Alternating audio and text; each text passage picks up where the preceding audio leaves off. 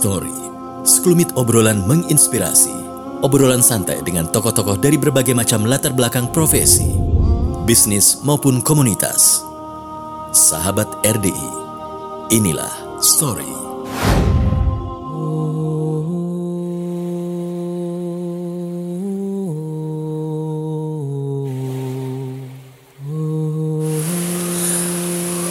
Assalamualaikum warahmatullahi wabarakatuh. Sahabat RDI Kembali lagi kita di program Story Sekelumit obrolan menginspirasi Yang akan menghadirkan obrolan kita dengan tokoh-tokoh yang ada di kota Malang ini.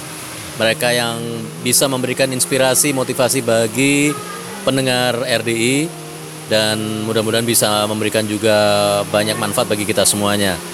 Dan saat ini saya Zulkifli sudah bersama dengan seorang komikus. Mungkin sebagian besar di antara Anda saya yakin sudah kenal dengan beliau. Minimal pernah lihat komiknya dan mungkin sebagian juga banyak yang juga belum tahu ya. Saya di tengah suasana hujan ini, saya waktu wawancara ini suasananya hujan jadi back backsoundnya mungkin terdengar suara agak ramai itu suara hujan dan sekarang saya lagi duduk di pelataran masjid Abu Bakar ini di daerah Dieng Baik, sekarang saya sudah bersama dengan Mas Febi Suryawi Bawa. Assalamualaikum Mas Febi. Waalaikumsalam warahmatullahi wabarakatuh. Gimana kabarnya Mas? Alhamdulillah, dinamis. nah, Mas Febi ini adalah seorang komikus. Kalau Anda pernah melihat komik-komik Islami, nah memang uh, tidak terlalu banyak ya, tapi ini yang paling unik karena gambarnya juga unik dan banyak hal yang bisa kita gali nanti. Saya akan langsung saja pingin tahu nih uh, sampai sekarang Mas Febi sudah berapa nih komik yang dibuat Mas Febi ini? Alhamdulillah sudah kurang lebih 10 komik. 10 komik ya? 10 komik. Awalnya tahun berapa itu dulu? Awal berkomik tahun 2009. 2009. 2009 sampai sekarang 2019 10 komik. Tiap tahun berarti kurang lebih satu komik ini. Kurang lebih satu komik. Nah, tema-temanya komiknya Mas Febi ini kan Islami ya. Nah mungkin bisa dijelaskan ini ke sahabat RDI komiknya Mas Febi ini seperti apa sih? Karena orang kalau kebayang komik itu pasti komik manga, komik ini. Nah ini gimana nih Mas? Ini jadi komiknya ini adalah uh, salah satu usaha saya untuk menjembatani nilai-nilai Islam seperti hadis untuk disampaikan kepada orang awam. Jadi di sini saya kebanyakan mengambil tema-tema butir-butir hadis yang digambarkan secara visual agar orang lebih cepat nangkep terutama orang awam. Hmm. kira-kira seperti itu. Masih ingat komik yang pertama dulu apa nih mas? Komik yang pertama judulnya 33 pesan nabi komik hadis Bukhari Muslim. Itu saya mengambil 33 hadis dari riwayat Bukhari dan Muslim. Kemudian saya ubah dalam bentuk kisah-kisah pendek lucu menghibur dalam tapi tetap bermakna. Hmm. Nah, uh, itu tahun 2009 ya Mas ya, awal itu ya. Tadi ya? Kalau yang tiga tiga pesan Nabi tadi 2011 sebenarnya. 2011 ya. 2009 tuh ada tapi belum labelnya belum jelas Islam. Oh. Jadi samar. Hmm. Nilai Islamnya saya tidak gamblang. Jadi menyoroti tentang fenomena Facebook waktu oh. itu. Jadi nilai Islamnya masuk tapi uh, labelnya belum jelas label Islam masih umum. Nah, kenapa tiba-tiba akhirnya uh, bukan tiba-tiba ya artinya kemudian merubah menjadi komik yang tadi itu yang yang kedua tadi yang tahun 2011 tadi itu. Jadi uh, awalnya ketika orang jadi ada dua judul pertama saya yang uh, secara nilai itu Islam tapi labelnya belum nampak bahwa itu Islam. Judulnya apa itu yang itu? Itu aku berfacebook maka aku ada sama Married with Brondong. yeah. Itu dulu judulnya kayak gitu loh. Ya, judulnya kayak gitu. Jadi yang pertama itu tentang fenomena kritik sosial yeah. tentang fenomena Facebook yeah, yeah. dan keberadaan kita sebagai manusia sosial. Hmm. Pertama itu. Yang kedua Married with Brondong itu benarnya uh, sebuah dalam tanda kutip dakwah halus tentang pernikahan uh, lelaki yang usianya lebih muda dengan perempuan yang beberapa tahun di atasnya itu kan secara nggak langsung eh, bahwa Rasul pun sudah pernah melakukan ini.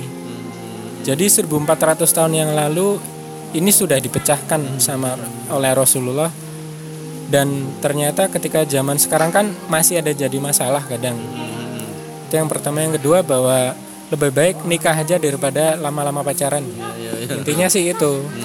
Cuman karena orang nggak nggak terlalu nangkep bahwa ini ada nil adalah nilai Islam, akhirnya kami putuskan di komik berikutnya diperjelas saja bahwa ini adalah nilai Islam.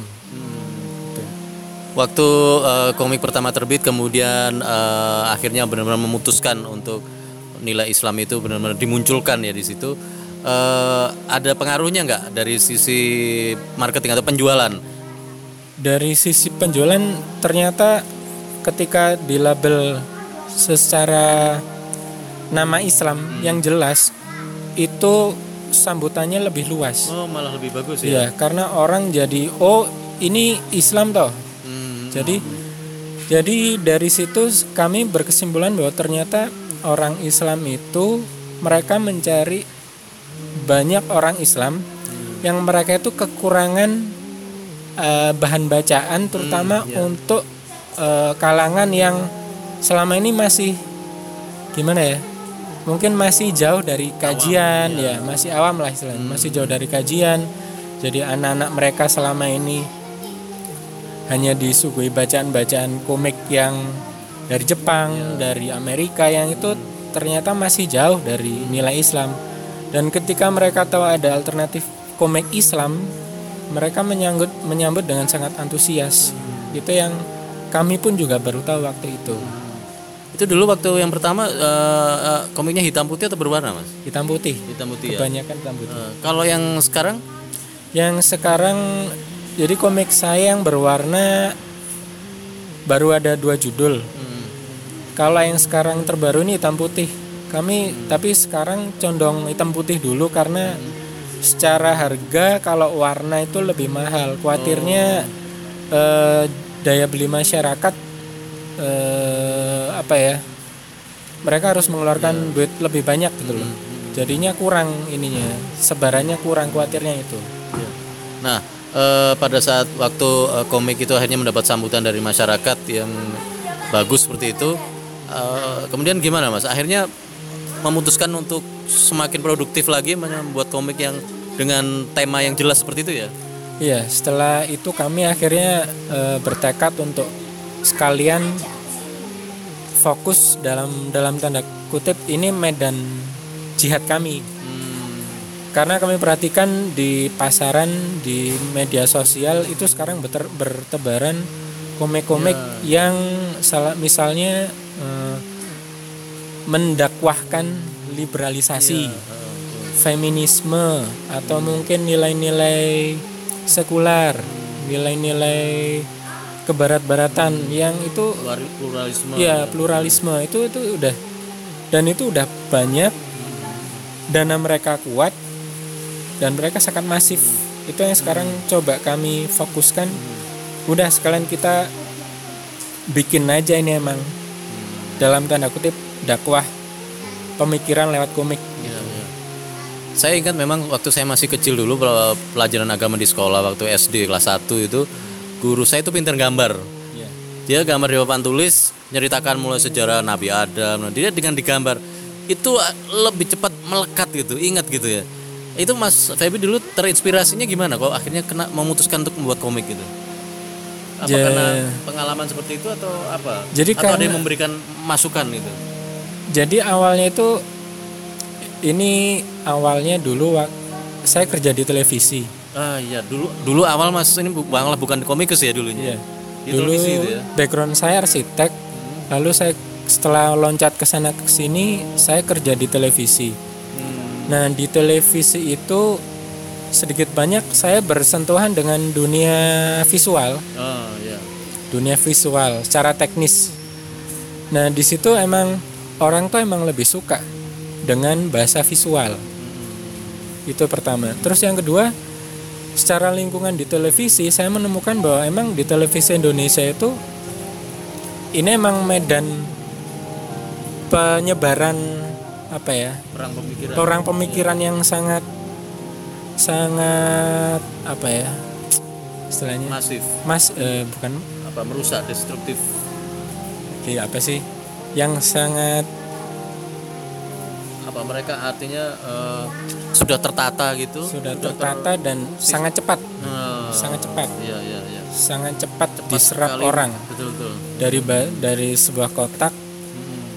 dengan visual yang menarik. Dan bisa masuk ke mana-mana bisa masuk ya. ke mana-mana dari anak kecil sampai orang dan bisa masuk dewasa. ke desa ke pelosok-pelosok ke desa itu ya. desa iya, itu. iya. jadi yang saya tangkap itu ini bahasa visual nih benernya yang jadi salah satu tombak. Iya, iya. cuman yang mengisi di ceruk itu waktu itu masih belum ada. Mungkin ada tapi sedikit. Lalu yang kedua saya perhatikan di lingkungan televisi satu itu emang eh, orientasinya emang hanya duit rating itu hanya uang nggak peduli itu acaranya mendidik atau mungkin merusak yang penting uangnya masuk. tinggi iklannya banyak masuknya. Ya? iklannya banyak masuk. Jadi eh, yang walaupun yang dijual itu maaf perempuan Mm-mm. biar ratingnya naik itu nggak masalah. Jadi tuh benernya di dunia televisi saat itu saya udah mengalami pergolakan batin. Oh. Eh, ini di Indonesia kondisinya sekarang seperti saat ini gitu. Hmm. jadi dikuasai televisi yang produknya seperti itu. Dan itu ibaratnya kayak bisa mencuci otak pen- penonton. Ya pelan-pelan bisa mencuci nggak nggak pelan-pelan. Mm-mm. cepat cepat Tapi tidak bisa terasa. nggak terasa gitu. Iya, iya. ini mencuci otak banget. Itu mas em, Feby dulu di televisi sempat berapa tahun dan sekitar tahun berapa itu? Saya kurang lebih enam tahun dari 2006 sampai 2012 berarti waktu komik awal yang komik itu masih bekerja di televisi itu ya? kerja di televisi. Itu udah dengan pergolakan batin oh. yang sangat. Yang membuat akhirnya uh, Mas Feby hijrah ya? Siapa ini Mas? Waktu itu atau dari ma dari sebab apa itu waktu itu? Hijrah dari televisi? Iya mm. jadi gini awalnya dulu sebelum saya menikah Hmm. itu waktu di kos-kosan itu saya sempat berdoa ya Allah di Jakarta itu ya? di Jakarta. Saya kan masih galau Hmm. dengan background yang saya miliki saya nggak tahu mau ngapain nih Hmm. nah kemudian saya berdoa ya Allah eh bila engkau menemukan ak- mempertemukan aku dengan perempuan yang melalui dia engkau bukakan pintu apa yang harus aku lakukan dengan ilmuku maka besok juga aku akan menikahi dia jadi jadi doa saya itu. Jadi saya berdoa semoga Allah mempertemukan saya dengan perempuan yang melalui perempuan ini saya bisa tahu tujuan hidup saya itu apa. Nah alhamdulillah saya nggak lama paling hitungan bulan iya iya. saya ketemu dengan istri saya yang eh, dia seperti membukakan pintu bahwa dengan kegalauan saya di dunia televisi Hmm. istri saya itu membukakan eh, pintu bahwa ini kamu punya eh, keahlian berkomik. Hmm. kasarnya gitu. Satu pintu oh ya saya bisa berkomik. Saya bisa ungkapkan unek-unek saya lewat komik. Awalnya itu. Kemudian kami menikah.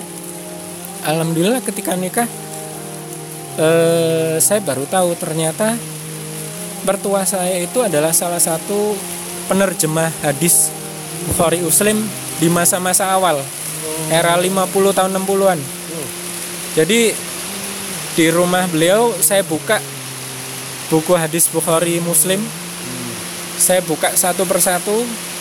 Dari situ saya seperti menemukan jawaban. Ini adalah salah satu butir-butir hadis ini. Kalau semua orang di Indonesia tahu insya Allah masalah di Indonesia akan terselesaikan jadi kegalauan saya selama di televisi itu seperti terjawab di momen itu. Jadi kalau orang Indonesia tahu orang Muslim di Indonesia tahu bahwa hadis-hadis ini ada dan bisa mereka aplikasikan insya Allah semua masalah yang ada itu akan terselesaikan insya Allah. Nah, memang dan tapi masalahnya kan budaya membaca kita masih lemah, kemudian orang membayangkan harus membaca kitab-kitab yang tebel-tebel seperti itu kan.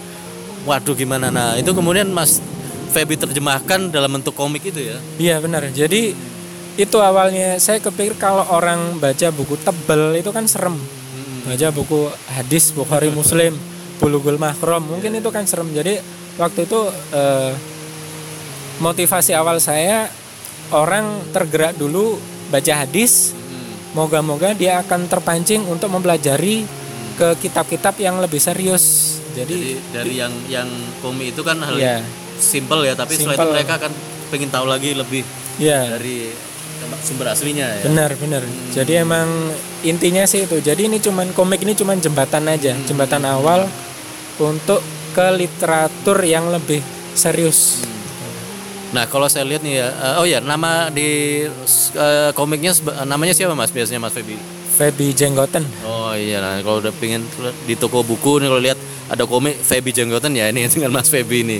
Nah kan eh, saya lihat ada per- perbedaan ini Mas ya antara komik yang awal-awal dulu dengan yang sekarang ini. Ini bisa diceritakan nggak perbedaan yang paling kelihatan itu apa nih dari dari komik ini Mas? Yang paling kelihatan Selain yang tadi ya cerita tadi ya. Yang paling kelihatan itu adalah style gambar. Jadi ini terkait dengan fikih gambar yang kami pelajari belakangan. Jadi dulu waktu awal-awal bikin komik itu kami masih belum terlalu ngeh dengan masalah fikih gambar. Terus alhamdulillah ketemu di Malang, kami hijrah ke Malang. Alhamdulillah ketemu dengan Ustadz Abdullah beberapa kali ngaji ke beliau dan alhamdulillah setelah intens eh, kami juga bertanya kepada beliau tentang fikih gambar. Akhirnya saat ini secara style gambar kami berubah. Jadi eh, salah satu yang terlihat adalah nggak ada leher. Terus untuk beberapa tokoh ulama yang kami gambarkan itu kami sengaja misalnya gambar matanya titik aja atau garis aja seperti itu. Itu kenapa Mas? Kalau titik aja apa garis saja itu? Jadi ini eh, Terkait sama ain itu ya. terkait sama eh, Ain Ya. dan juga untuk karakter-karakter yang jadi karakter yang non fiktif Ya. itu kami sengaja yang nggak pakai eh, mata jadi hanya diwakili titik sama garis salah satunya masalah Ain tadi Nah, kemudian respon dari mereka yang biasanya membaca komiknya Mas Feby kemudian berubah seperti ini apakah mempengaruhi malah akhirnya malah ditinggalkan atau gimana nih Mas? kalau mungkin ada yang yang sebel gitu juga ada mungkin yang komplain juga banyak itu memang kontroversi gitu. tapi alhamdulillah yang yang mendukung pun itu juga banyak juga gitu. dan kami nggak masalah Yang komplain itu kena eh, apa misalnya? misalnya ini kenapa sih kok kepalanya ngambang-ngambang ngawang-ngawang mentul-mentul. Kan aneh. Gitu Nah, itu dari sisi gambar. Kalau dari sisi kontennya gimana, Mas? kalau dari sisi konten kalau dulu kami banyak eh, untuk kisah-kisah panjang itu kami banyak mengarang. Jadi mengarang cerita sendiri lalu digambarkan. Nah kalau yang sekarang kami lebih banyak mengambil kisah-kisah ulama yang benar-benar ada. Jadi eh, kisah ini benar-benar ada. Jadi insya Allah kalau mau ditiru akhlak mereka atau motivasi mereka itu lebih nyata gitu loh. Bukan sesuatu yang abal-abal atau hoax jadi emang dari hal yang nyata. Nah, sekarang untuk eh, penjualan komiknya sendiri atau pemasaran ini, Mas. Pemasaran komiknya kalau dulu kan juga eh, banyak kita temui di toko buku-toko buku besar ya. Nah, untuk yang ka- kabarnya yang edisi yang sekarang ini yang ini eh, masih lewat online ini, Mas. Ya. Jadi ini eh, terkait dengan masalah eh, distribusi sekarang kami lebih banyak menjual secara online. Jadi kami mengutamakan dulu pedagang-pedagang online yang dalam tanda kutip UMKM ya. Istilahnya bukan pedagang offline toko buku offline yang udah besar. Jadi kami mengutamakan pedagang-pedagang yang notabene muslim untuk kami dahulukan dulu. Jadi insya Allah setelah tersebar mereka istilahnya dapat gitu, dapat syarat keuntungan materi dan batin juga dapat. Mungkin setelah satu tahun baru insya Allah dilempar ke toko buku offline rencananya gitu. Jadi benar-benar bisa bersinergi dengan saudara-saudara sesama muslim ini Mas. Ya, betul, betul. Apalagi dengan semangat 212 itu ya. Oh iya. Itu alhamdulillah sangat berpengaruh. Memotivasi kami juga. Iya, iya. Nah, Mas Febi, kalau untuk penggarapan komiknya ini eh, selama ini gimana nih? Apakah punya jadwal khusus jam mulai bekerja, mulai gambar atau gimana nih? Kalau jadwal khusus nggak ada, cuman secara umum saya mulai dari subuh sampai ya di sela itu antar anak antar istri ada mu- mulai sama juga. E, jadi diselang-seling tapi nggak ada jadwal khusus. Tapi yang jelas dimulai dari subuh sampai e, paling siang. Lah Yang sekarang ini eh, berapa eh, berapa halaman ini? yang sekarang 300 halaman. Selama, selama berapa lama proses penggarapannya? kurang lebih 10 bulan. 10 bulan ya. Jadi semuanya Mas Febi sendiri atau ada tim? saat ini belum ada tim baru saya sendiri Makanya sampai sampai 10 bulan itu ya. Iya. Tapi bagaimana dengan eh, penjualan eh, selama ini? Apakah memang bisa untuk menghidupi keluarga nih Mas? Alhamdulillah bisa. Alhamdulillah bisa. Iya, iya. Nah, ini mungkin ada tips nih dari Mas Febi untuk eh, sahabat RDI, mereka yang eh, saat ini ya apa pun usahanya ya, bagaimana bisa memotivasi mere- mereka nih Mas Febi agar bisa istiqomah, kemudian bisa akhirnya mencapai keberhasilan dalam menempuh apa pun yang mereka kerjakan sekarang ini. Jadi saya pun sekarang juga masih berjuang dalam Iya. tanda kutip ya. Cuman alhamdulillah Allah cukupkan keperluan kami benar-benar cukup. Walaupun dulu waktu awal-awal hijrah itu saya ragu. Awal-awal mau hijrah dari televisi tahun 2012 saya ragu. Tapi alhamdulillah ketika istri mendukung, ibu saya mendukung eh, dengan bekal itu saya yakin bahwa Allah pasti akan menjaga kami. Dulu keyakinan saya cuman itu. Kalau dulu mungkin dengan sistem gajian CEO-nya adalah bos. Tapi setelah saya resign, saya yakin bahwa CEO-nya adalah Allah. Jadi kalau CEO-nya udah Allah, apa pun itu saya yakin pasti Allah akan mencukupi dari arah yang benar-benar tidak terduga. Dan ini kami buktikan sendiri. Jadi intinya sih satu eh, yakin, kedua orang-orang terdekat harus diberi pengertian dulu. Dan ketiga perbanyak silaturahmi. Itu sih yang secara garis besar itu. Eh, iya nih, tadi saya lupa nanya. Boleh tahu nih, waktu dari TV kemudian memutuskan hijrah itu, itu mengalami penurunan atau malah naik gitu waktu itu? Alhamdulillah malah naik. Itu yang saya juga kaget juga. Ya Allah. Karena itu kan waktu memutuskan itu kan juga berarti kan mikir kan, ini sudah punya gaji tetap gitu, tiba-tiba ini kira-kira nanti ya kayak payu kok, lek gak payu gimana gitu. Iya, jadi waktu itu waktu mau resign itu benernya saya juga udah ditawari sama bos. Hmm, Udah kamu mau minta gaji berapa? sampai gitu ya. Saya naikkan. Cuman waktu itu saya udah yakin bahwa udah saya nggak mau, saya mau fokus di jalan ini. Ya alhamdulillah ternyata di luar ekspektasi saya. Ternyata Allah kasih dari mana-mana. gitu.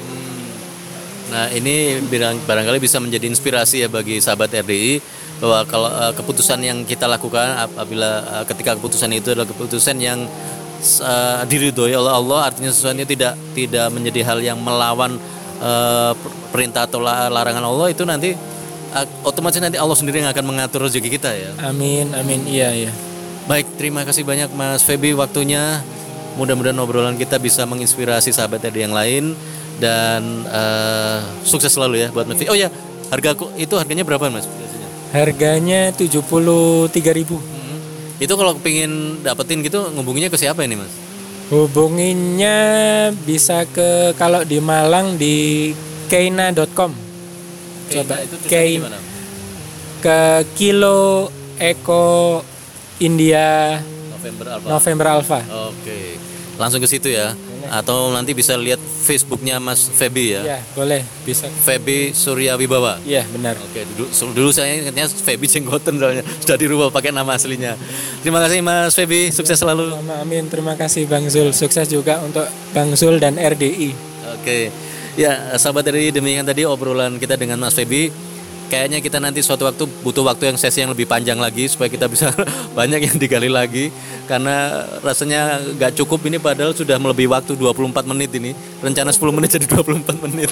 Tapi Masya Allah luar biasa. Mudah-mudahan bisa menginspirasi kita semua. Saya Zulkifli untuk story sekelumit obrolan menginspirasi. Wassalamualaikum warahmatullahi wabarakatuh. Baru saja kita ikuti segmen story sekelumit obrolan menginspirasi di Radio Dakwah Islamiyah RDI FM Malang. Semoga sekelumit kisah ini bisa menginspirasi sahabat RDI semuanya.